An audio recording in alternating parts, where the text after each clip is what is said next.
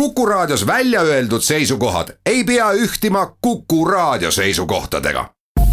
Te kuulate Kuku Raadiot.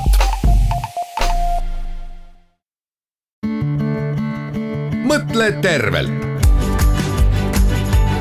olulised terviseteemad toob teieni Medicum head Kuku kuulajad, eetris on Mõtle tervelt tervise ja arstiteaduse saade. täna me võtame jutuks südame, üldse inimese tervise ja liikumise, aga sootuks teistsuguse nurga alt, mitte propageerides kõva spordi tegemist, vaid rääkides sellest, millisel moel ka mõõdukas liikumine, eriti mõõdukas liikumine vanemas eas, nii ennetavalt kui siis taastavalt mõjub ja toimetab meie organismiga, et näiteks ühe või teise südame või muu tervisehäda tagajärgedega toime tulla või neid siis üldse vältida. ja küll oleme kutsunud sellest kõnelemisest meedik-, kõnelemiseks Meedikumi taastus- ja spordiarsti Eduard Svetkovi, tervist! tere! No mis siis on, et kui inimene äh, elab üle südameinfarkti, siis mis temaga juhtub ja miks ta pärast selline, selline habras, hell ja võib-olla isegi natuke võimetum on liikumisel kui, kui ennem infarkti? üks põhjus on muidugi selles, et süda saab vigastatud, infarkti tagajärjel tekib tekib išeemia, toimubki südamelihase nekroos nii-öelda, see ongi infarkt põhimõtteliselt. Ja kui selle tagajärjel pumbafunktsioon langeb, siis muidugi see mõjutab üldist sooritusvõimet see on üks point, aga kui kas see on isegi siis, kui noh, öeldakse, et mida varem te infarkti sümptomeid märkate, mida kiiremini ravile lähete, et juba see, et on sümptom, tähendab juba seda, et südamelihas on kahjustunud? mingil määral ta ikka saab kahjustatud küll, jah aga see infarkti arv või, või selle suurus on muidugi, ta, ta muidugi sõltub sellest, kui kiiresti sekkuda sinna ja kui suurel alal see üldse toimunud on. Et see päris nii ei ole, et, et infarkt möödub ilma mingisuguse tagajärjeta, et mingi, mingid tagajärjed ikka, ikka võiks olla. näiteks südame puudulikkuse koha pealt mõnikord loetakse, et see infarkt ongi nagu vallandavaks, vallandavaks faktoriks, et isegi kui pumbafunktsioon ei ole langenud, aga ikkagi mingil hetkel, kuna süda on vigastatud, see on selline punkt, kust alates käivituvad protsessis, protsessid, mis edaspidi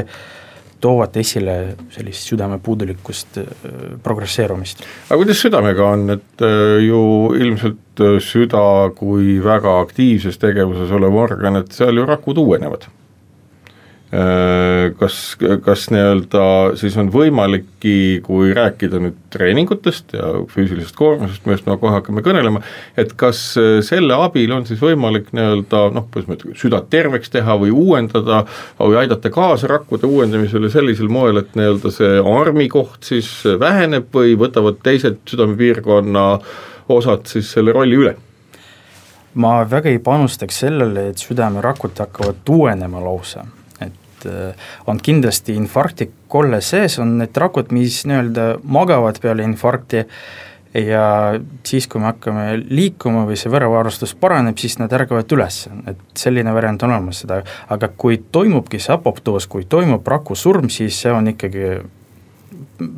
seda ei saa pöörata mitte kuidagi ja kas siis nagu ka südamelihasega on siis sama lugu, et noh, me teame ka ju ise, et organismi rakud ju kogu aeg uuenevad, aga kui on mingi armikoht, kus noh, ütleme keegi on väga sügavalt sisse lõiganud, ega see armikoht ära ei kao, see säilib ikkagi täpselt arm, samas kohas. armkoht ei kao mitte kuhugi, mitte kuhugi. ja südamelihas on selles mõttes täpselt sama lugu, et ja. kui te olete kunagi kirvega jalga löönud või, või näppu saaginud ja sinna on tekkinud niisugune armias moodustis, siis sama lugu juhtub ka südamega. täpselt nii. ehk et nagu loota, et on mingi ime, imemasin, imetegevus või rohi, millega siis plõksti ühtäkki nii-öelda süda saab ilusaks, seda pole olemas. see pole olemas, jah. Ähm, nüüd ähm, äh, kui palju ähm, noh, ütleme siis ma saan aru, et me täna räägime valdavalt siis tegevusest, mis on, mis on seotud siis äh, sellega, kuidas äh,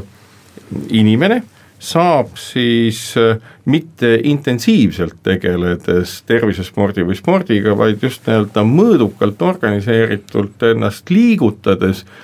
vältida muuhulgas ka siis kõikvõimalike südamehädade süvenemist. millistest liigutustest või liigutamisest või, või küsime teistpidi, et kui vanadele inimestele selline noh, nii-öelda toetav või rehabiliteeriv treening üldse vajalik on? Sellist vanuselist piiri ma ei paneks. on kindlasti näiteks noh, selline vanus nagu kaheksakümmend viis, mille, mille alates sellised preventiivsed meetodid enam no nii palju tõenduspõhisust ei oma. aga enne seda no põhimõtteliselt kõik inimesed jah, no kui me räägime elukvaliteedist, siis muidugi igasugune treening, igasugune füüsiline aktiivsus tõstab elukvaliteedi, tõstab inimese võimekust. ja mõnede inimeste jaoks võib-olla tooli, toolilt püsti tõusmine ongi juba üks elukvaliteedi indikaator ja seda tahakski arendada. see ei tähenda, et kui sa oled kaheksakümmend viis, siis kõik enam, keegi ei tegele, nii see asi ei käi ja isegi, kas see kaheksakümmend viis on selline, kuidas ma ütlen, nagu intuitiivne piir või seal on ikkagi ka mingid muutused juba füsioloogiliselt ja anatoomiliselt organismis, mis noh, enam nagu ei, ei kohanda? pigem, pigem on see, et, et me keskendume uuringutele. et lihtsalt uuringud on tehtud kuni selle vanuseni ja nii on. praegu käivad noh, käivad ja ma lugesin hiljuti, et et isegi sellised väga vanad inimesed, kui palju nende puhul kasutatakse sellist preventiivset metoodikat ja kui palju need käivad treeningutes ja ikka käivad jah, ja nende elukvaliteet on parem sellega. noh, kui öeldakse ma ei tea, noorematele või keskealistele inimestele, kellel ei ole välja kujunenud sellist liikumisharjumust võib-olla noores põlves äh, läbitud erinevate treeningute või, või muu sellisega, et noh, te peate ennast liigutama, siis on nagu ah, mis ma, et on mingeid muid asju, et ei jõua, töö vajab tegemist. et kui me kõneleme sellest, et milline on siis nimetame minimaalne liikumisvajadus inimesele, et kõik tema organid ja organsüsteemid oleksid noh, enam-vähem korras, enam-vähem varustatud verega ja et enam-vähem piisava sagedusega oleks neid siis nii-öelda koormatud, et noh, nii-öelda organ ka teaks, et ta olemas on selline minimaalne liikumine, mida iga inimene peaks igapäevaselt tegema, no pool tundi päevas, mõõduka intensiivsusega, enamus päevi nädalas, et noh, viis päeva võiks olla. või noh, kaks tuhat kuni kolm tuhat kilokalorit nädalas, see on selline miinimum, mis, mis peaks olema. see pool tundi, kas see tähendab seda kiirem kõnd? võiks olla kiirem kõnd, lihtne on öelda näiteks seda, et kui sa lähed kuskile, siis sa pead natukene hingeldama. et sa päris pikat lauset välja ei ütle, aga noh, juba tunned, et kas see hingeldamise kriteerium on selline, et see mõõdab kõige paremini sooritusvõimet? Ehk et kui inimene ütleb, et oi, et ma, ma juba siin nagu noh, natukene kiiremini kõnnin ja siis ma juba hingeldan, et äh, sinu soovitus on nagu see, et püü-, püüakski siis nii-öelda sellisel piiril toimetada, et ta siis oma toimetamise lõpuks nagu hingeldaks ja ei saaks lauseid välja öelda. täpselt, äh, mitte päris nii, et ei saa üldse ei no ei, mitte seda, aga noh, et aga et pikk, pikat lauset, sa saad vest, vestelda, aga pikat lauset. või laulda enam ei saa, et see on selline äh, noh, rusikareegel, kuidas, kuidas seda intensiivsust määrata.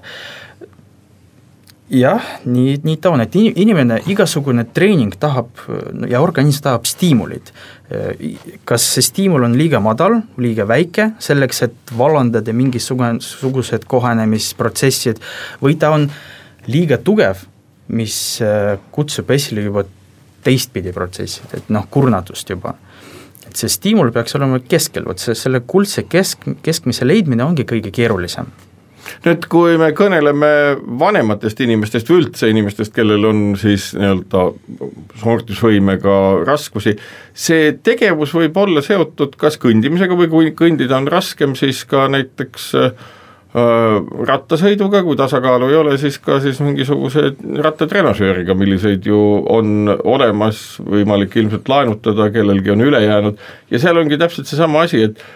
noh, iseenda tunde järgi, et äh, enam-vähem pool tundi väntad seda ja siis on nii-öelda see kriteerium, et okei okay,, et lõpuks pead natukene hingeldama ja täislauseid mitte ütlema, et see on nagu niisugune üks, üks lähenemine. isegi mitte lõpus, vaid kohe panna sellist intensiivsust, et, et, et, et äh, pool tundi teeksid niimoodi natukene natuke rohkem hingates, jah. Aga nüüd äh, teine asi, meil on hästi palju ju nüüdisajal kõikvõimalikku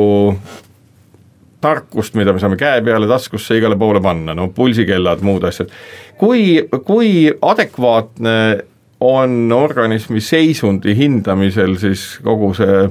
käe peale pandav spordikellade, pulsikellade ja muu selline arsenal, et kas need kõik töötavad enam-vähem adekvaatselt, kas seal on ka niimoodi, et on mingeid asju, mis ei näita üldse midagi või või kui ta ikkagi pulssi mõõdab, siis kas ka pulsi järgi on inimesel võimalik seda nagu koormust teada saada, mis talle on sobilik?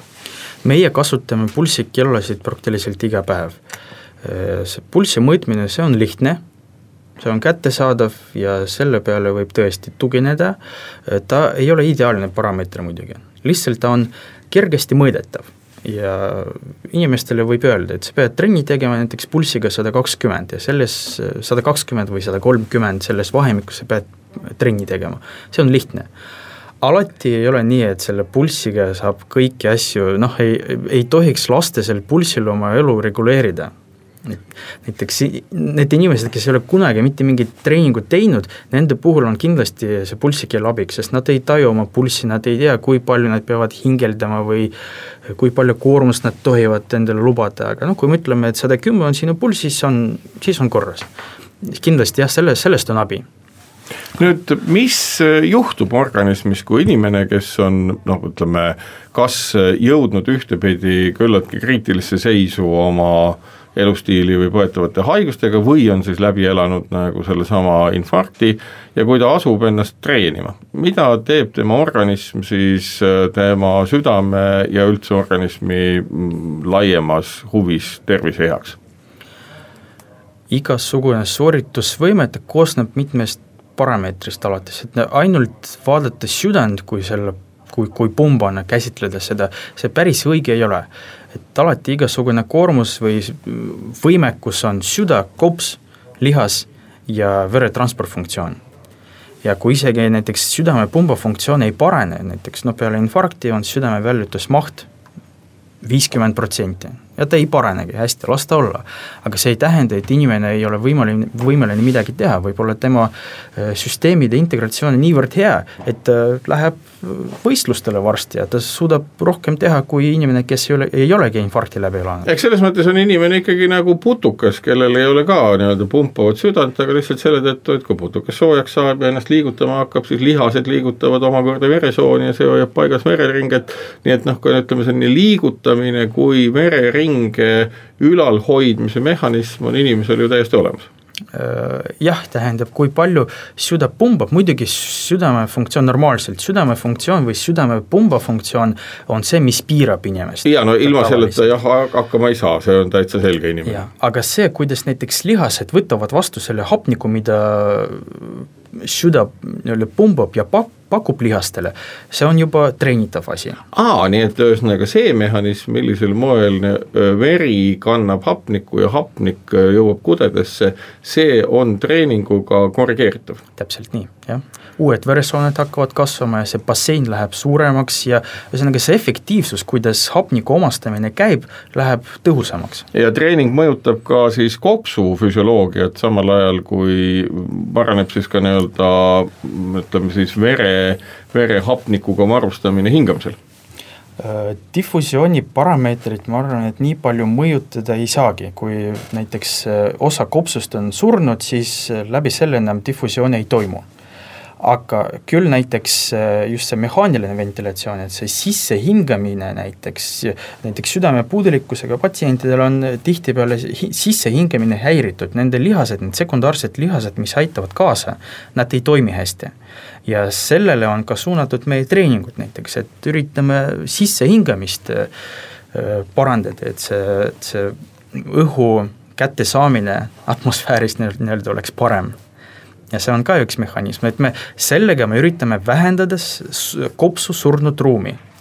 mis, mi-, noh, surnud ruum on see koht, mida ei ventileerita, kust gaasivahetust ei toimi, aga võiks olla ja see surnud ruum on ka teistpidi ohuks, mis võib kujuneda, nagu ma aru saan, siis ka potentsiaalselt mingisuguste haiguskollete kohaks, kus ventilatsiooni ei toimu ja. ja ka järelikult ei ole seal väga intensiivset verevahetust, järelikult on see koht, kus võib keegi,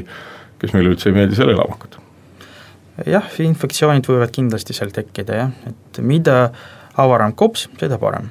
siinkohal teeme Mõtle tervelt saatesse väikese pausi. Mõtle tervelt. olulised terviseteemad toob teieni Medicum.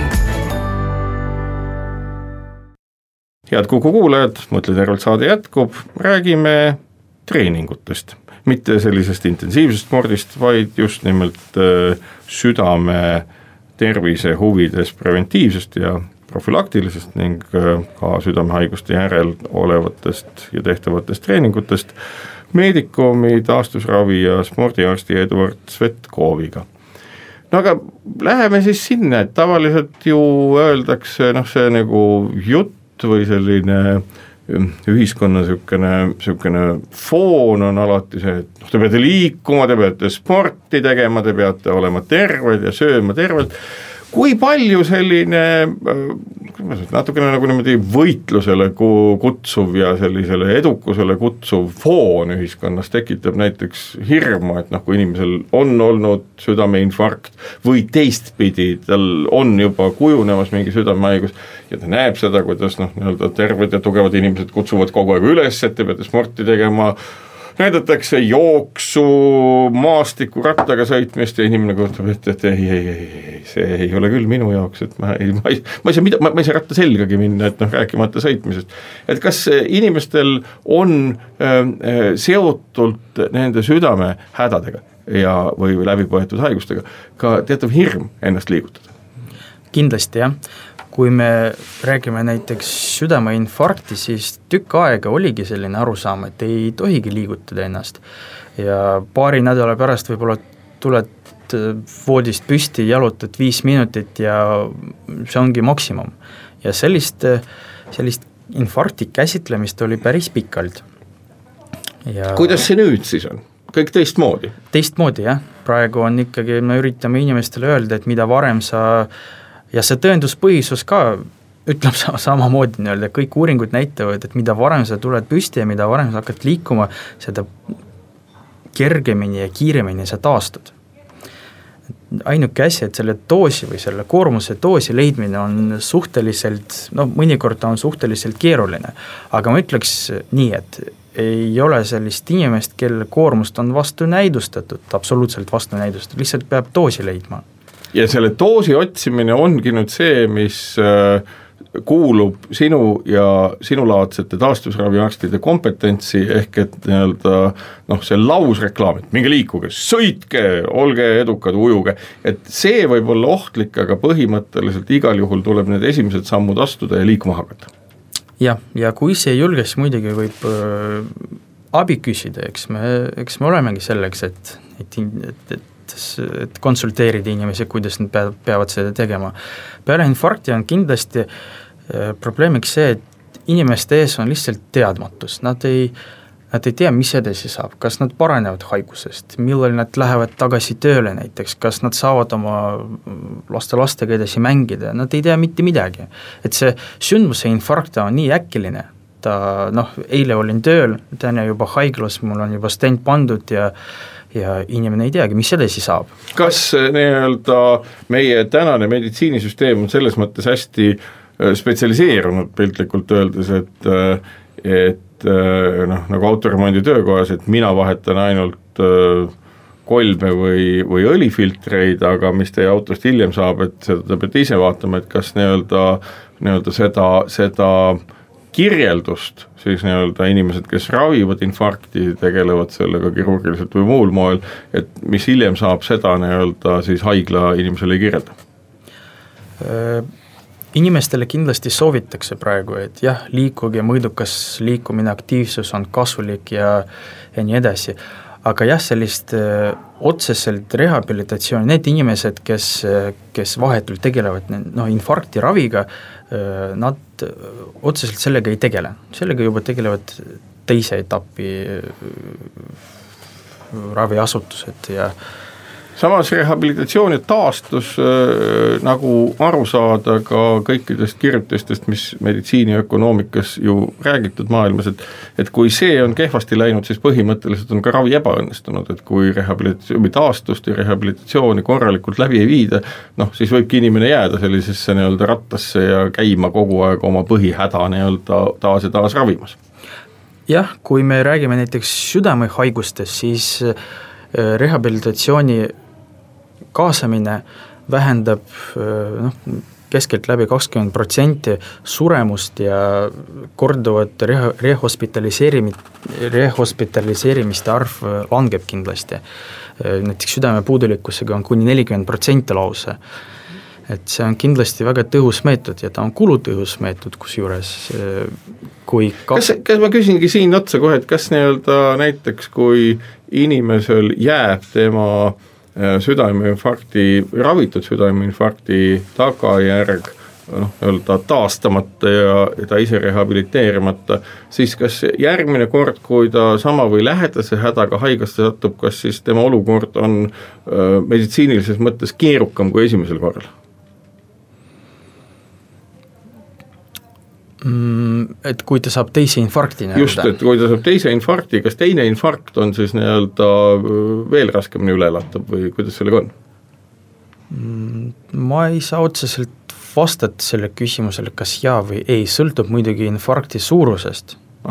aga noh, kui näiteks üks infarkt on olnud, see tähendab, et mingi aterosklerootiline protsess on käivitunud, mingi pärgarterite haigus on olemas ja kui ta saab teise infarkti, see tähendab, et see haigus on progresseerunud et jah, mingil määral muidugi ja see olukord läheb kehvemaks, just pärgarterite seisund läheb kehvemaks.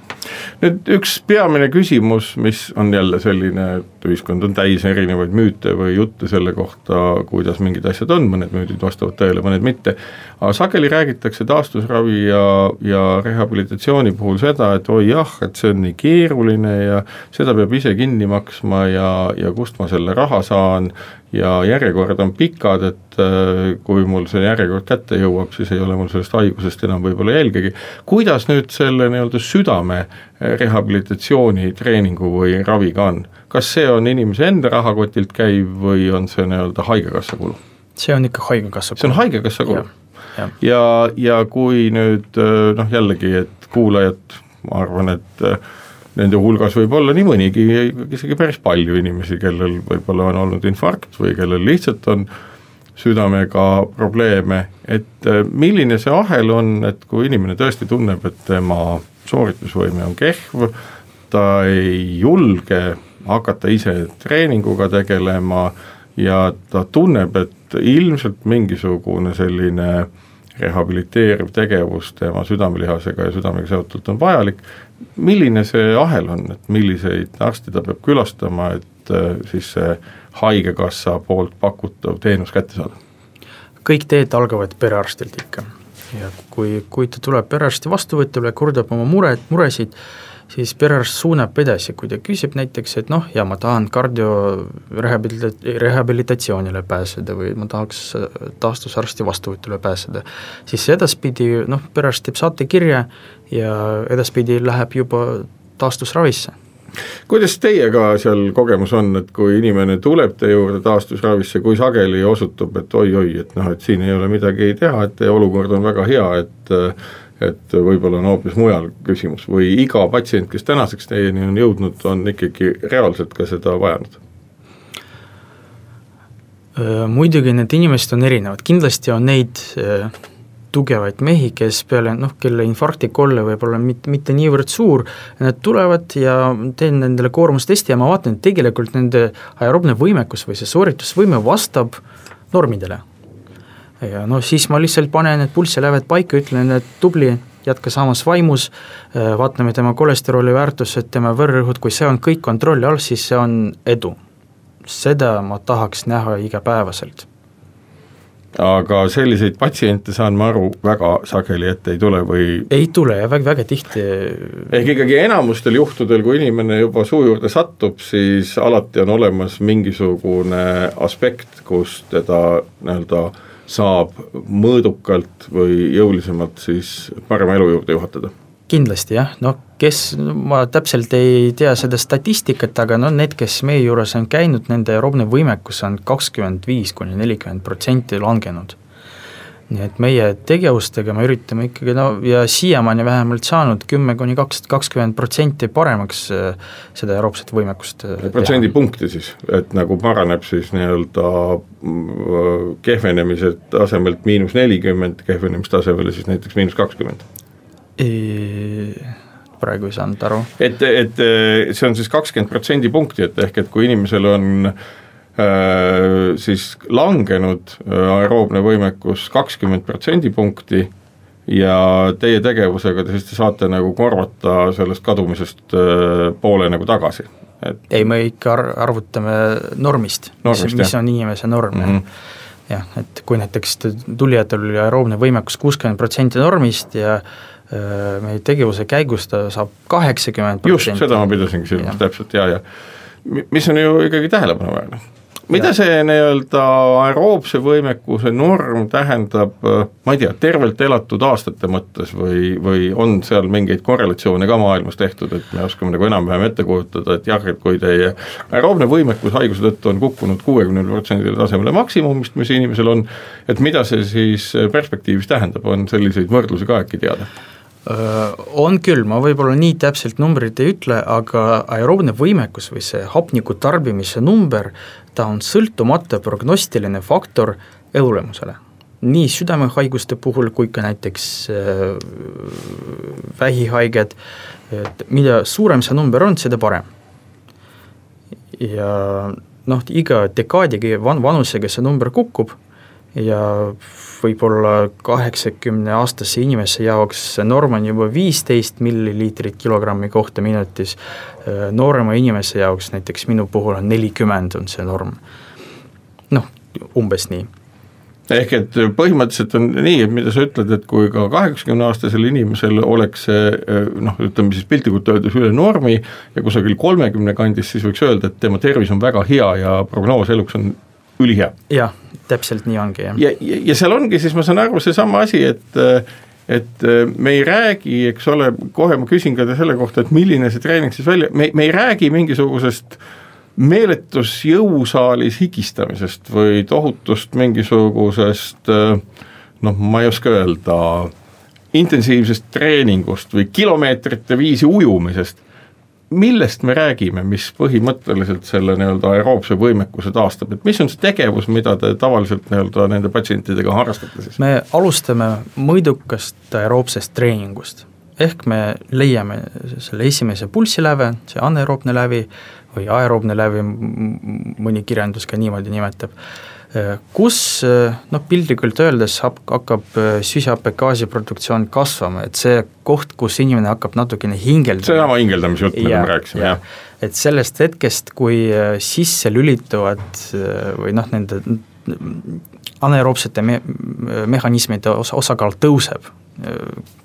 et me saame energiat aeroobsel teel, anaeroobsel teel, siis hakkab CO2 produktsioon äh, kasvama. vot see, seda hetke, kui me tabame seda hetke, me ütleme, et vot siin on kõige efektiivsem, noh võib-olla mitte kõige efektiivsem, kõige ohutum treening, et et see vähemalt kuidagi, et see on selline stiimul, mis viib sind edasi ja seal ei ole niimoodi, et tulevad kokku siis ütleme, erinevad, erinevas vanuses, erineva seisundiga inimesed ja siis nagu koolis öeldakse nendele, mida nad tegema peavad, igaühega tegeletakse individuaalselt. jah, jah, me leiame täpselt, täpselt need koormused, mis talle paraku sobivad ja ta jätkab selliste koormuste juures näiteks kuu aega, kaks kuud ja ja siis me teeme korduva testi ja vaatame, kui palju on paremaks läinud. iseenesest ma ütleks nii, et äh, ainult selle madala intensiivsusega treeningud see ei ole ainult, mida me teeme, kõrgema intensiivsusega treeningut on ka lubatud, aga selleks, et alustada äh, kõrgema intensiivsusega, peab olema mingisugune ettevalmistusperiood, kus ta teeb sellist noh, madalama intensiivsusega või keskmise intensiivsusega. ja kui rääkida üldiselt äh, tervest populatsioonist, siis isegi kõrgema, need, kes teevad kõrgema intensiivsusega treeningut seitse või noh, viis, kuus, seitse päeva nädalas, nende risk saada mingisuguse äkksurma või infarkti või noh, mingi kardiaalse sündmuse on väiksem kui nendel, kes, kes ei tee midagi et see kõrge intensiivsus ja selle regulaarselt, regulaarsus just määrab seda äh, tõenäosust. kui näiteks on sellised pühapäevasportlased, kes kord nädalas käivad jalgpalli mängimas, see on väga intensiivne treening aga kuna seda ei tehta regulaarselt, vaid kord nädalas, siis see on nagu riskiallikas. Nende risk on tohutult suur, jah. Ehk et see nii-öelda ettekujutus, et noh, et kui te mingitki sporti teete, et tehke igal juhul ja intensiivselt, et, et, et see on ka selline nii-öelda noh, kuidas ma ütlen, sellise vana antiikautoga, mida pole pikalt hooldatud, rallile minek, et ikka kui gaasi panna ja siis, kui ikkagi kõikvõimalikud võllid ja rihmad ja mis seal iganes on, lendama hakkavad, et siis see on nagu paratamatu, et see peab olema ikkagi nii-öelda pige-, pidevalt tuksuv süsteem, mida on võimalik natukene paremaks teha. jah, umbes nii see näeb välja, jah. siinkohal teeme Mõtle tervelt saatesse väikse pausi. mõtle tervelt. olulised terviseteemad toob teieni Medicum mõtle tervelt kukus jätkub, külas äh, Medicumi taastusravi ja spordiarst Eduard Sutkov, mina saatejuht Marek Strandberg. Ähm, jõudsime just sinnamaani, et äh, inimest, kellel mingi südamehäda vaja on, on vaja pigem kallutada pidevale ja mõõdukale treeningule, kui et kord nädalas midagi aktiivset tegema, näiteks jalgpalli mängima või või ma ei tea, raskusi tõstmas käima või mis iganes inimesed teevad. ja, ja ma saangi aru, et äh, see Ehm, kuna sellist nii-öelda mõõduka liikumise harjumust noh, väga vähestel on, siis juhul, kui inimene on nagu kahjustanud või on tal kahjustunud, siis südamega seonduv, siis see hirm nagu üldse liikuma hakata, et see on, kas, kas, kas võibki öelda, et nagu hirm hakata liikuma on ehk kõige suurem takistus, miks inimesed seda meetodit väga vähe kasutavad? see on väga aktuaalne probleem, jah ja igapäevaselt üritame need hirmud kuidagi maandada, et, et inimene ikkagi julgeks liikuda. sest see liikumine on hästi kontrollitud, ta on ohutu ja isegi intensiivsemad treeningud on noh, need uuringud, ohutuse uuringud on tehtud ja näidatud, et et see kardiorehabilitatsioon või kardiaalne taastusravi, ta ei ole ohtlik tegevus, on öö, kui ma õigesti mäletan, siis on üks mingisugune kardiaalne sündmus sada kolm, kolmekümnele tuhandele treeningtundile et, et see on päris ja see sündmus võib olla lihtsalt see, et mul hakkab süda puperdama või on lihtsalt ei, nagu mitte, mitte puperdama, et mingisugune noh, kaebus jah, et rindkeres valutab või, või korduv infarkt näiteks, et lihtsalt äh, aga jah, see on, see on ikka fataalne sündmus, jah. seda ma pean mainima, jah et no mis on, mis on ju sada, aga sada kolmkümmend tuhat tundi ma just mõtlen seda, et kui ma peast õigesti hetkel arvutan, siis see on midagi samasugust nagu tõenäosus sattuda lennuõnnetusse, võib-olla natukene sagedasem, aga väga harv ikkagi. võimalik jah, pean ütlema, aga see, see pluss, mis saadakse, on Need on kvaliteetsed eluaastad. Need ülejäänud sündmused või need ülejäänud tunnid ikkagi kulutatakse. ma ütleks nii, et kui inimene, kui inimene kardab äh, liikuda, kui ta ei taha äh, trenni teha nii-öelda, siis ta automaatselt satub sinna rühma, kes on rohkem infarkti riskis riskiga võrreldes nendega, kes teevad trenni, et see automaatselt läheb veelgi kehvemasse aga veel kord, see trenn ei ole see, mida me oleme harjunud nägema nii-öelda kõikides sellistes sotsiaalsetes kuvandites ja meemides, higised, musklis, vaevatud, hingeldavad, et see, see on ikkagi koordineeritud, mõõdukas koormus, mille koormus on täpselt selline, nagu iga indiviidi võimekus võimaldab. jah, kui noh, näiteks kui me paneme inimest väga palju higistama ja talle ei meeldi see, näiteks no talle ei meeldi rattaga sõita ma ütlen ei, ainult rattas, siis ta ei hakkagi sõitma. ikkagi peab, see treening peab olema meeldiv, vähemalt esialgu. ma, ma, ma saan aru, et täna me räägime siin sinuga täiesti tavatust asjast, me räägime asjast, mis on äh, päris südameprobleemidega inimeste personaaltreeni, treeningi personaaltreeneri pakkumine, ja seda Haigekassa raha eest jah, võib, võib ka nii öelda jah, täpselt nii on. aga äge, et need inimesed, kes ütlevad, et ma mitte mingil juhul, ma ei julge liikuda, mis iganes, et mõelgu siis selles nii-öelda sotsiaalses võtmes teistpidi, et te saate endale personaalse treeneri, kes aitab teil noh, mitte nüüd selles mõttes rannavormi, aga väga heasse füüsilisse vormi just nende südame kontekstis saada ja,. jah, jah, see on, need on ikkagi, need on kvaliteetsed aastad, mida inimene võib endale saada ja ma saan aru, et iseenesest see metoodika siis äh, parandada inimese aeroobset võimekust mingi, kui pikk see nii-öelda periood on, mille jooksul inimene peab siis noh, oma personaalset treenerit kasutama? no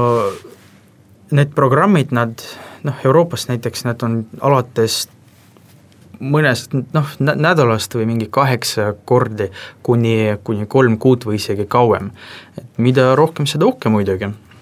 kas aga... tavaliselt, ma küsin juurde siia ka, kas inimesel endal kujuneb siis selle nii-öelda äh, personaalse hoolitsuse ja äh, liikumisõpetusega välja siis ka endal juba mingisugune harjumus, et jaa, et ma tean, et see mõjub väga hästi, et ma olen saanud selle kogemuse kätte, et kuu või kahega on mulle selgeks tehtud, et jah, tõepoolest minu enesetunne paraneb, ma lähen trepist üles, ma ei hingelda, ma liigun, mul on parem olla, ma suudan paremini sooritada. kas, eh, kui sageli tead sa ehk, et on tekkimas siis seda, et noh, et ah, et keegi mulle ka peale ei käi enam, et ega ma ei viitsi enam? Ma, ma ei ole sellist asja näinud. ehk et kui inimene olles küll algul hirmunud, aga saab kätte selle noh, nii-öelda hea elu maitse siis ta jääb ja, selle juurde. jah, jah, ja need inimesed, kes tulevad tagasi ja nad on ülirahul sellega, et nad üldse alustasid seda, et mõned kardavad, mõned tahavad pooleli jätta, sest noh, see on, see on raske võib-olla esialgu. just, just noh, psüühiliselt või vaimselt on see raske, et ma ei ole kunagi, võib-olla see füüsiline aktiivsus viimati oli seitsmendas klassis, aga nüüd mind pannakse trenni tegema või noh, ratast väntama, et see esimene samm treeningule on kõige, kõige raskem, ma arvan, et vot sellega me üritame aidata ka. kui palju, noh kindlasti on mingisugune hulk nii-öelda ravimeid, mida pärast infarkti tuleb kasutada, tõenäoliselt juhul, kui mitte midagi teha, siis ilmselt võib arvata, et nende ravimite hulk pigem kasvab või nad on eluaegsed. kui sageli juhtub see, et see ravimite hulk langeb või mingid ravimid üldse ära jäävad ja millised need on, mida saab ära jätta lõppkokkuvõttes? Äh, no ravimite hulk, ma arvan, väga oluliselt ei muutu. Noh, näiteks need antiagregandid, mida peale infarkti aasta aega on kindlasti noh, peab kindlasti kasutama, noh aasta pärast neil, selle võib ära jätta. aspiriin näiteks on eluaegne ravim vererõhuravimid tõenäoliselt samamoodi ja no ma, ma ütleks, et väga saab vähendada neid noh, need tabletide annused no,. aga mitte... nende mõju selles mõttes, koosmõju organismi enda treenitusega on siis märkimisväärne ja,? jah, jah, sest äh, no näiteks treeningutega me saame parema vererõhu kontrolli, kindlasti, vererõhk reageerib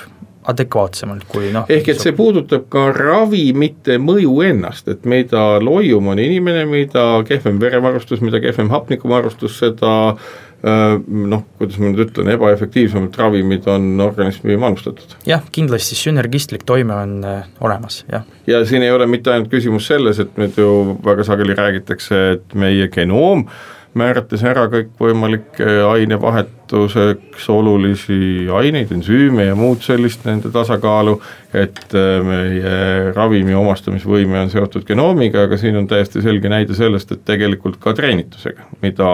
parem verevarustus, seda tõhusamalt mõjuvad ravimid ja võib-olla ka väiksemas koguses ma ei, ma ei tea, kas, kas on nii korrektne öelda, et just treeningutega ravimid, on nende biosaadavus kuidagi muutub paremaks. Äh, ma ei usu, et see on väga korrektne lause, aga kindlasti vererõhk iseenesest näiteks läheb paremaks kas just selle kaudu, et biosaadavus läheb paremaks või, või need on su juttu kuulates ma saan aru, et tegelikult väga paljud sellise meetodi nüansid on teaduslikus mõttes jätkuvalt detailselt teadmata. jah, ma lõpp, ma, ma ei, ma ei tea, kuidas täpselt see asi toimib, aga ta toimib ja me teame, et need tulemused on head see spordi või liikumise füsioloogia, ega me lõplikult ei saa aru, kuidas meie organism toimib. Et need protsessid on niivõrd keerulised, et jah, ei oska öelda, mis, mis täpselt toimub, ma ei oska öelda. aga loogiliselt võttes ju inimene on mõeldud liikumiseks ja kui seda liikumist nii-öelda õppida noh, kogu elu vältel mõõdukalt rakendama, siis noh, puht nii-öelda mis ma ütlen, bioloogilise või evolutsioonilise loogika mõttes peaks siis inimese olukord paranema ja see, see on ka valdavalt nii-öelda, ma saan aru, siis selle nii-öelda eh, rehabilitatsiooni füsioloogia ja metoodika üks peamisi aluseid ja,. jah, jah Eh, kas on kuidas ma nüüd ütlen, et ma ei tea, kui pikk su praktika on, aga kas on olnud ka mingisuguseid selliseid eh, noh, väga muljetavaldavaid juhtumeid, kus noh, ütleme see paranemine või edenemine on olnud vanemas eas selline tugev, ma ei oska öelda mingit näidet, kas keegi on saanud maitse suhu olles varem olnud mitteliikuv liikumisest ja edendanud seda palju rohkem ja rohkem ja tunneb ennast nüüd nagu ülihästi, ütleme nii. Kindlasti selliseid näideid on olemas ja ma pean mainima, et rohkem kasu saavad just need inimesed, kelle olukord alguses on kehvem et nendel on seda Nendel on see suhteline efekt nagu suurem. jah, ja paljud inimesed saavad näiteks oma depressioonist lahti isegi ja nad Kas... paljud hakkavad tööle uuesti ja see on väga oluline aspekt ehk et kas äh, sääl on siis äh, nagu, siis nagu psühhiaatrilise diagnoosi mõttes kujuneb välja depressioon või on see lihtsalt meeleolu langus või kujunebki välja päris depressioon Pä, selle päris, tõttu, et päris depressioon jah, meie füüsiline ja vaimne tervis on ikkagi väga omavahel seotud. et inimese heaolu ei ole ainult füüsiline tervis, vaid, vaid vaimne ja sotsiaalne olukord samamoodi et see, need on, see on noh, keeruline mudel jah, et me peame arvestama kõik aspektid, kas inimene näiteks saab tagasi tööle minna. kui ta, kui ta ei saa tagasi tööle minna, siis tal ei ole raha enam. Kui ta on ainuke äh, rahaallikas perekonnas, siis äh, noh, olukord läheb kindlasti raskemaks ja see on tõesti, see on tõesti keeruline lugu. Seda on täiesti tähelepanuväärne kuulda, ma saan aru, et iseenesest äh, väga paljude ju hädadega on see, et milline see praktika nüüd antud nii-öelda rehabilitatsiooni tulevate inimestega on, et kas nad tulevad nii-öelda eh, noh jällegi nii-öelda oma vabast tahtest või pigem on seal ikkagi ka see, et kui lähedastel vähegi on võimalik, siis nad peaksid tagant utsitama ja soovitama inimesel, kes on kas siis nii-öelda jõudnud väga lähedale infarktile ja tema südamega ei ole vee-, kõik korras, aga veel ei ole olnud infarkti või kes on siis nagu infarkti üle elanud ja on väga skeptiline liikumise suhtes, et teda peaks nagu julgustama võimalikult palju sellist treeningut. peab julgustama kindlasti jah, kasu saavad ka need inimesed, kellel ei ole infarkti olnud, näiteks stabiil-, stabiilne stenokardia on üks diagnoos, mille puhul selline sekkumine on ka näidustatud, see on noh, stabiilne stenokardia on veresoonte ahenemine, see on aterosklerootiline südamehaigus, eh, et ko-, noh, kui koormusel näiteks tunneb rindkere valu või noh, see võimekus on langenud, kindlasti me saame parandada tema sooritust ja tema elukvaliteeti. sageli sinu juurde tullakse nii-öelda lähedane vanem või, või kes iganes käe kõrval ja öeldakse, et kuulge, et me oleme nüüd kokku leppinud, et me tulime siia, et tema on see inimene, kes või tullakse ikka üksinda? üksinda ja paaris ja noh, näiteks naine toob oma meest vastuvõtule, nii on ka, naine ei luba talle mitte midagi kott, kotti tassida ega mitte midagi rasket ja nad tulevad, et ei tee mitte midagi, enne kui tuleb vastuvõtule, arst ütleb, mida tohib teha, mida ei tohi, isegi autorooli ei lasta ehk selline, selline lähedaste hool on asi, mis on nagu möödapääsmatu ja noh, siit ka kuulajatele, et kui teil on selliseid pereliikmeid, kellel üks või teine häda olnud on või teate tuttavaid, on teie vanemad, kes iganes, et äh, nüüd selline imeasi on Eestis juhtunud, kus Haigekassa sellist nii-öelda äh, mitteinvasiivset personaaltreeningut ulatuslikult toetab, mida noh, tõepoolest rahvatervise mõttes on põhjust teha. kas on mingeid andmeid ka selle kohta, et kui palju siis nii-öelda tervelt elatavaid aastaid ka isegi pärast seda infarkti, noh, mis on nagu tervelt elatud aastate nagu tinglikult lõpp, lõpetajaks, aga et kui palju siis nagu keskmiselt sellise kardiorehabilitatsiooni mudeliga juurde võiks saada, on keegi seda maailmas vaadanud tänaseks? ma täpselt seda statistikat ei valda, kindlasti on need uuringud tehtud ja noh, kas, kas või ainult see, et suremus ja haigestumus on noh, keskeltläbi kakskümmend protsenti väiksem. et see juba annab midagi, et ne-, ne see infarktihaigsetel patsientidel siis, jah? jah, ja südamepuudulikkus samamoodi, noh need käivad käsikäes tegelikult mm., need kaks sündmust. ja maailmas või noh, vähemalt Euroopas on äh, äh, peale infarkti suremus äh, kümme protsenti ja viiskümmend protsenti saab teise infarkti. et ja, ja need, ja need maksumused on ligi kakssada miljardit iga aasta, mis, mis Euroopas kulutatakse just kardiovaskulaarhaiguste raviks. ja no need on tohutud summad ja see elu, see elu, mida on võimalik tagasi saada, see on ikkagi väärt asi. Aitäh, Eduard Sõtkov, tulemast Mõtle tervelt saatesse rääkima Eestis kättesaadavast täiesti unikaalsest südame personaaltreenimisest, mida nimetatakse kardiorehabilitatsioonist, rehabilitatsiooniks, sellest, mis roll sellel on ja mis